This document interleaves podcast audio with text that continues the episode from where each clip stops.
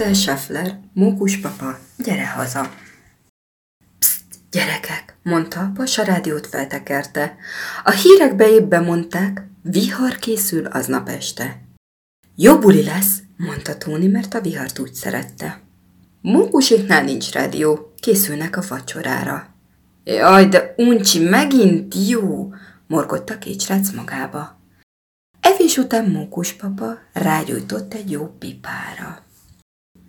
Hirtelen az ég megdörrent, félve ültek mind alatta, eső szakadt, vad szél tombolt, s mókus papát elragadta.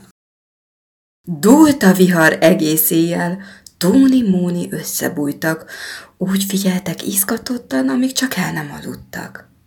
A nagy tölgyfa egyik ága az ablakot verte egyre, minthogyha a fa is fázna, s a szobába kéreckedne. Reggelre az ég kitisztult. Mókus papa alig élve, száraz kenyér és banánhé közép a szemétbe. A gyerekek megszemlélték, mit rombolt a vihar este. Fák zuhant egy autóra, mehet már a roncstelepre. Egyszer csak egy piros farkat vett észre a döbben Tóni. Kidobtak egy szegény mókust. Ugye él? kérdezte Móni. Egy nagy bottal megbögdösték. Mókus papa rántult párat. Él! kiáltott Móni vígan, s a szalvétát hoztak ágynak. Otthon szépen lepucolták, kis tejet melegítettek, cumis üvegből kínálták, és a mókus inni kezdett.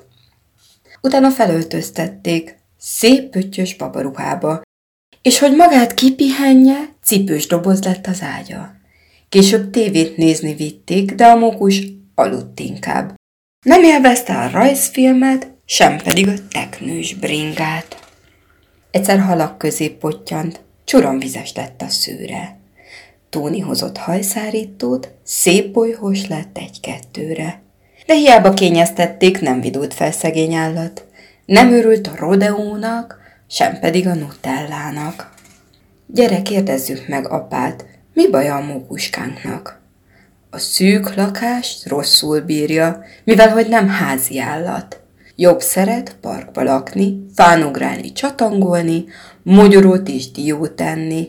Vigyük haza, mondta Tóni. Míg túl gyenge, mondta Móni. Nem tud fára mászni ennyit.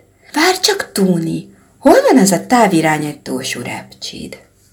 Tóni a repülőgépét egy fiókból előkapta, és a mókussal és egy távcsővel gyorsan lementek a parkba. A füvön a kis mókusok szüleikkel szaladgáltak, a gyerekek távcsövükkel megvizsgáltak minden ágat. Megláttak egy mókus mamát két kicsivel búslakodni. Itt a mi mókus családunk, mondta ugrándozva Tóni. Mókus papát óvatosan rátették a kicsi gépre, indítottak, és a repcsi felszállt a fa tetejére. Mókus papa hazarepült, mókus mama sírni kezdett, hatalmas volt a boldogság, ugrándoztak, ölelkeztek.